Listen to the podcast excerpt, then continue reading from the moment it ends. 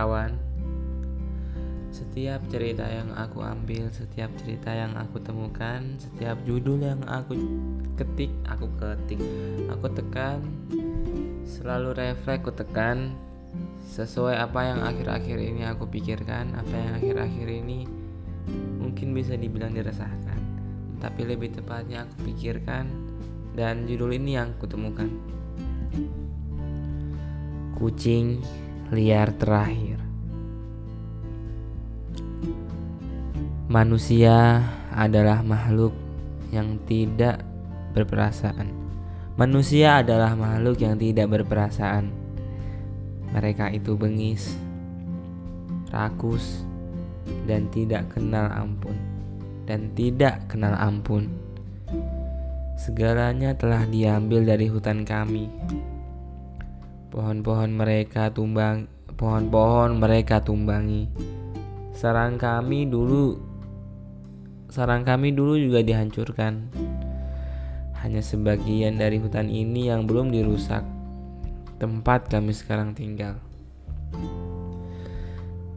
Itulah yang keluh kesah kami, para kucing liar yang hidup di hutan ini. Namaku Kero. Aku adalah salah satu anggota kawanan kucing terakhir di hutan ini. Kawanan kawanan kucing lain sudah banyak sudah banyak yang mati. Di kawasan kami ada enam kucing. Kami dipimpin oleh seekor kucing bernama Yuro. Dia sangat bijaksana. Segala persoalan kami segala persoalan kami bisa diselesaikannya dengan adil. Selain Yuro, di kawasan kami ada anggota lain. Mereka adalah Shiro, Iko, Nero, dan Gemo. Kami ini mempunyai sifat yang berbeda satu dengan yang lainnya. Ciro dan Iko itu kucing kembar. Warna mereka sama dari ujung kepala sampai ujung ekornya. Tapi mereka sering tak akur, sering berkelahi, hingga harus dipisah oleh si ketua. Nero itu pendiam. Dia lebih suka berdiam diri dan tenggelam dalam lamunannya. Dia lebih suka ber, dia lebih suka berdiam diri dan tenggelam dalam lamunannya. Anggota terakhir, Gemo. Dia adalah yang paling pandai dari antara kami para anggota.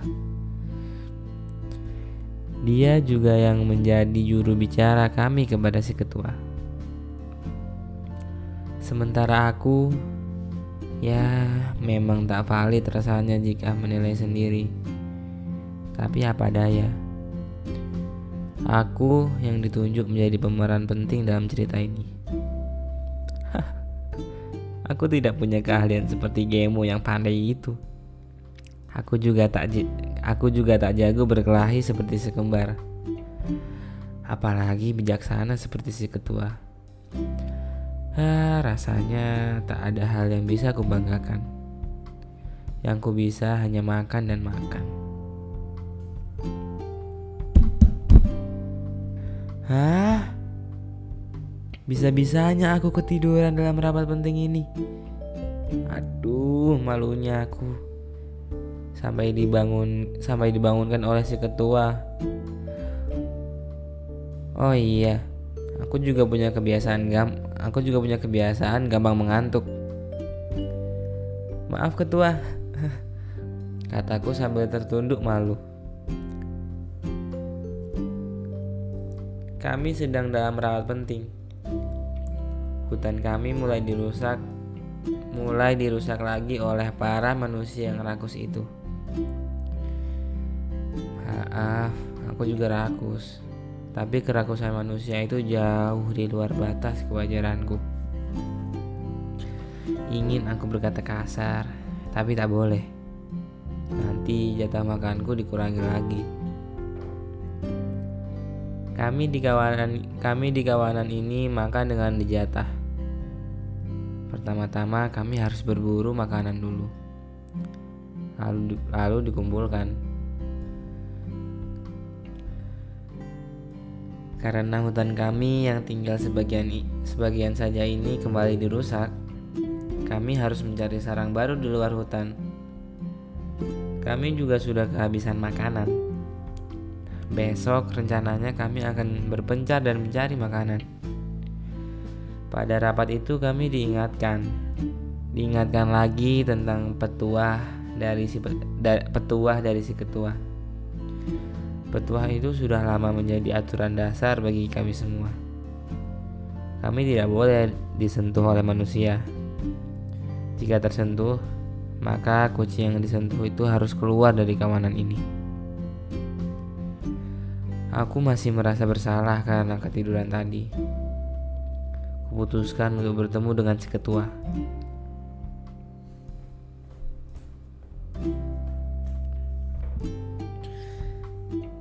Selamat malam ketua. Saya mohon maaf karena sikap buruk saya tadi. Saya bersedia dihukum untuk menebus kesalahan saya ketua. Ungkapku dengan pra, ungkapku dengan perasaan bersalah yang sangat dalam. Hmm Kamu masih ingat tidak?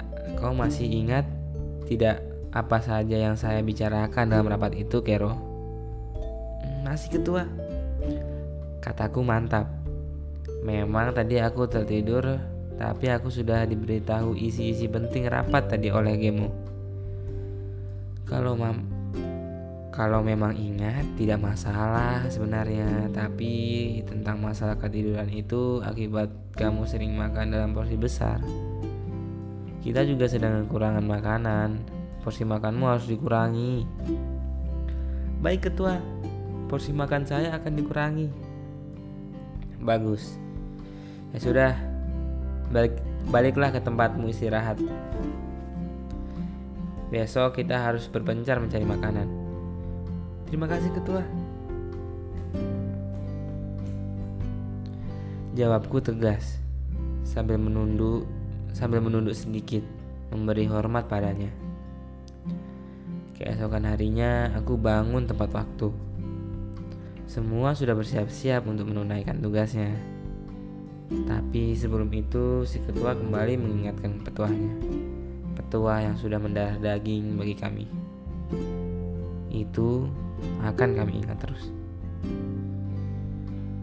Selepas keluar dari hutan, kami pun masing-masing berpisah. Aku harus berjalan cukup jauh untuk mendapatkan sebuah perkampungan. Hari begitu terik, Hari begitu terik, jalanan yang kubijak ini begitu kering. Untung aku adalah seekor kucing. Aku tidak berkeringat seperti para manusia.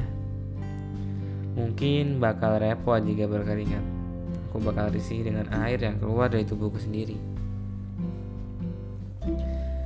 Aku masuk ke halaman yang cukup luas. Itu sarang manusia. Manusia, Minta makanan dong. Seruku berharap ada manusia yang mendengarkan. Ah, aku beruntung ada manusia yang bertubuh kecil yang meresponku.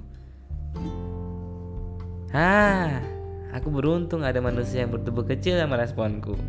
Hmm, mungkin dia anak mungkin dia anak manusia. Dia pun setengah berlari ke arahku.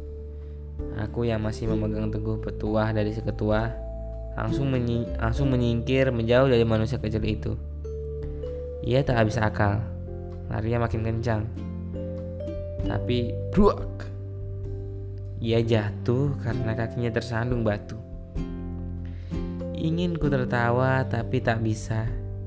Aku harus menghemat energiku. Perjalananku masih jauh.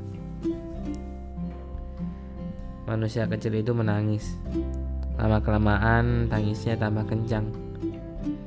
Tiba-tiba keluar manusia lainnya. Kali ini tubuhnya lebih besar.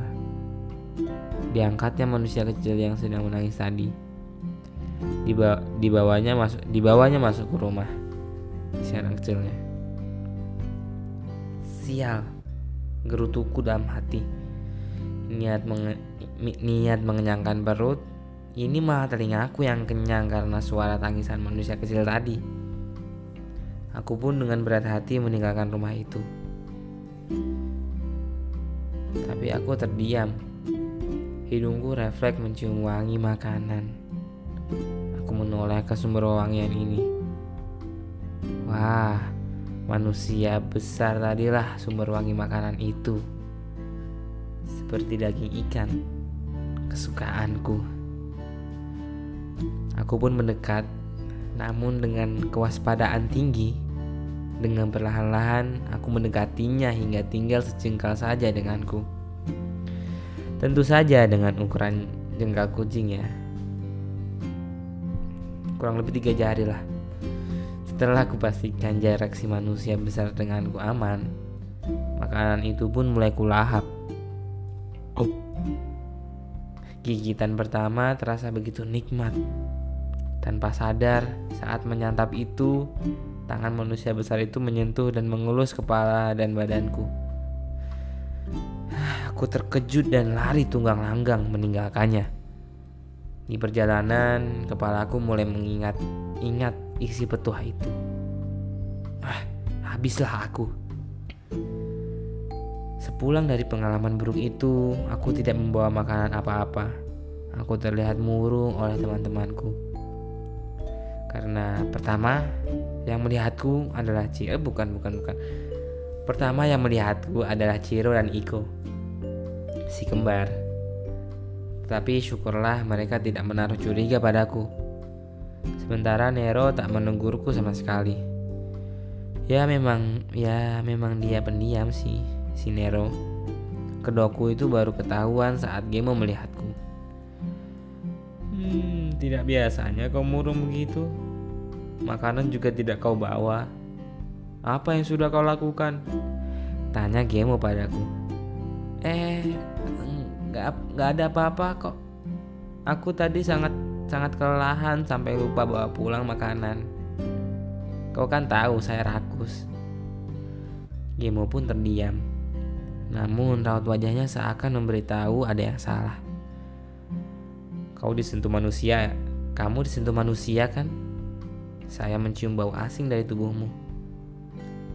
Uh, aku tersentak kaget.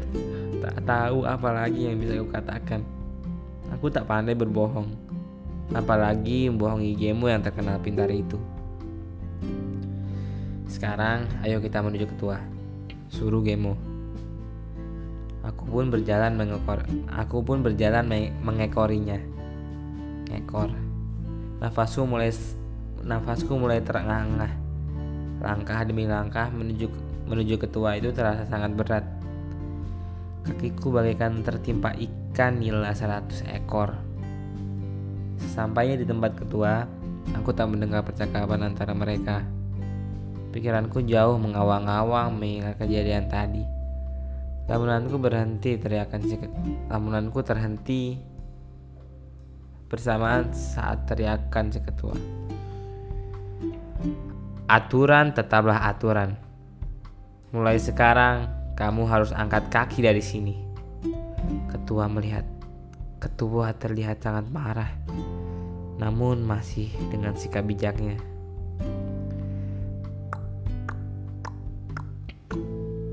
Aku tak sanggup berkata apa-apa lagi. Dengan begitu terputuslah hubunganku dengan kawanan ini. Kawanan yang sudah memberitahu tempat tinggal yang nyaman dan teman-teman yang baik. Aku tidak menaruh rendam sama sekali pada Gemo. Apa yang dikatakan itu memang benar. Aku pun berjalan keluar dari sana. Tujuan pertama aku adalah rumah tadi. Tempat si manusia besar itu. Tempat si manusia besar itu menghancurkan hidupku. Aku berniat membalas dendam padanya. Sampai di rumah itu, aku langsung mengacak-ngacak tumbuhan yang ditanaminya.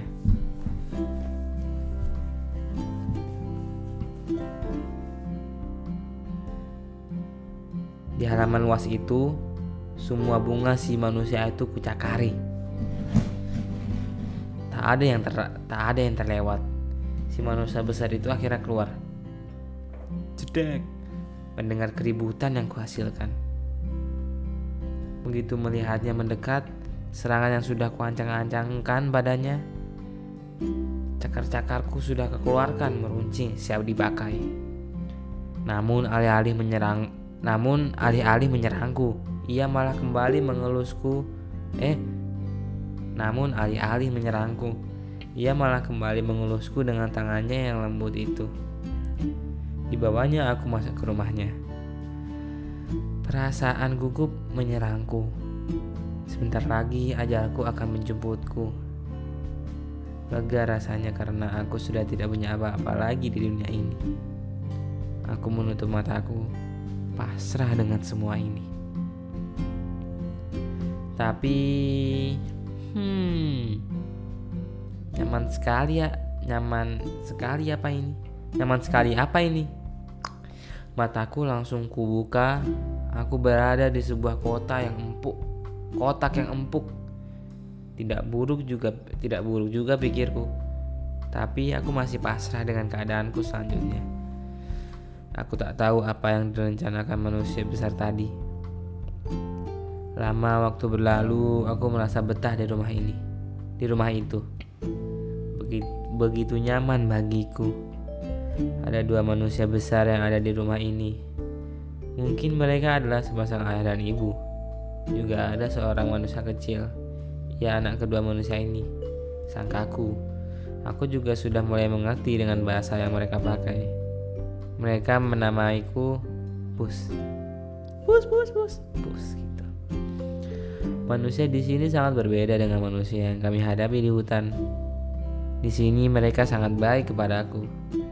Aku ingin sekali menghapus apa yang kukatakan di awal cerita ini. Tapi itu tak cukup dengan keserakahan mereka yang sudah meratakan sebagian hutan kami. Tapi itu tak cukup dengan dengan keserakahan mereka yang sudah meratakan sebagian hutan kami. Kuedarkan kuedarkan pandanganku ke luar jendela rumah ini. Tampak kawananku berada di halaman. Mereka mungkin sedang mencari makanan. Hmm, ironis sebenarnya. Mereka di sana kelaparan dan hidup susah, sementara aku di sini bersenang-senang saja. Kuputuskan menemui mereka untuk mengajak bergabung bersama aku di rumah ini. Mereka melihatku. Aku mempercepat jalanku hingga berlari kecil. Sulit rasanya bergerak, bergerak bergerak karena beberapa hari aku hanya makan dan makan. Aku sudah berubah menjadi kucing yang sangat besar. Namun mereka kabur setelah melihatku keluar, da keluar dari rumah ini. Hmm, sedih dan sepi kurasakan kembali. Ingatan mengenai canda dan tawa bersama teman-teman berkelibatan di kepalaku. Bersama teman-teman berkelibatan di kepalaku. Bus, bus, ku tepis ingatan itu. Bus, dan melangkah kembali ke rumah, ke dunia baruku. Keesokan harinya aku melihat gambar bergerak di kota yang barusan ku ketahui namanya. Televisi. Di gambar itu terlihat kawanku mati semua. Para manusia-manusia berusak itu yang mendapati mereka. Di gambar itu terlihat kawananku mati semua. Para manusia-manusia berusak itu yang mendapati mereka. Kawananku mati karena kelaparan Begitulah kata berita di televisi. Coba waktu itu mereka tak melarikan diri dariku. Cerpen karangan Herman. Cerpen kucing liar terakhir merupakan cerita pendek karangan Herman. Kamu dapat mengunjungi halaman khusus penulisnya untuk membaca cerpen-cerpen baru buatannya. Kamu suka cerpen ini? Share dong ke temanmu. Dan man about cat about wild cat kucing saat belum jadi budak eh kucing saat masih menjadi budak perut masih belum menjadi majikan. We call majikan. Namun ini bisa mengingatkan kita atau menyadarkan, kita atau mungkin bisa jadi itu benar. Tentang kucing-kucing yang biasa kita ketemu kita ketemu di jalan yang biasanya kita mau sentuh dia lari. Yang biasanya nggak mau makan nggak mau deketin manusia. Pas kita kasih makan dia datang pas mau diurus lari. Kan biasa gitu kan di jalan. Ya nggak tahu jalan kalian cuma jalan di sini begitu. Tapi pas sudah pas sudah dekat udah masuk rumah udah sering kasih makan udah nyaman. Dia nggak nggak nggak bakal pernah keluar dari rumah kita. Begitu. Tapi keren sih aku yakin sih yang ngebuat cerita ini pasti datang cerita ini dari pikiran-pikiran kayak gitu pengalaman-pengalaman yang kayak gitu yang ketemu di jalan ketemu kucing mau ngasih makan mau nyentuh mau ngelus malah kabur. It's, ini relate banget ya. Soalnya kebetulan aku langsung nekan nekan yang berjudul kucing gara-gara ya aku punya kucing. Walaupun kucing kucingnya nggak nggak bener-bener full di rumah. Soalnya kadang soalnya ini kan rumah keluarga nggak rumah gue sendiri. Nggak bisa seenaknya. Apalagi umi gue kan suka masak-masak. Di sini juga banyak klasik banyak barang-barang yang bahaya kalau misalnya kucing asal-asal jalan. Walaupun beberapa kucing bahkan kucing gede malah lebih rapi dia duduk-duduk chill chilling di atas aksesoris samping di samping aksesoris aksesoris kecil yang notabene gampang jatuh tapi dia santai. Dia bisa nyantai dia bisa pelan-pelan nggak nggak ngerusak apa pun. Ya tapi beda lagi sih kalau ngomongin ngomongin yang bocil yang yang masih masih overaktif apa-apa tiba-tiba nyakar. Bukan nyakar sih itu maksudnya main cuma cakarnya aja yang tajam. Gue pengen potongin si kukunya biar mainnya enak gak harus pakai jaket lengan panjang. Cuma ya aku nggak bisa memastikan dia untuk di rumah karena cakar itu buat mempertahankan dirinya di luar sana. Semoga dia aman. Aku akan mempertahankan cakarmu sampai ada waktu yang telah tiba atau mungkin mungkin sekarang aku masih main dengan dengan hoodie dengan panjang. Soalnya kan kucing main tuh suka gigit cakar-cakar ini tangan kanan udah banyak buat luka-luka. Jadi tuh tadi kema kemarin dia tunjuk gua yang ke kecakar sekarang yang kanan. Tahu gak sih rasanya? Jadi telunjuk gak, gak bisa kepake lagi bukan gak kepake. Maksudnya kan gue suka gambar. Kan gambar tahu kan gaya gambar secara umum kan? Pakai jari tengah jari jempol dan jari telunjuk buat buat nguatin kuda-kuda gambar ya kuda kuda kuda gambar kuda gambar kuda-kuda buat gambar. It's so hard for apalagi makan? Tapi kalau makan pakai tangan juga makannya pakai sendok. Ya ya kalau makan pakai sendok sih nggak pakai jari telunjuk. Kan yang kena yang kecakar kan ujung jadinya masih aman-aman aja. Ya. It's all about cat. Kucing jalanan terakhir.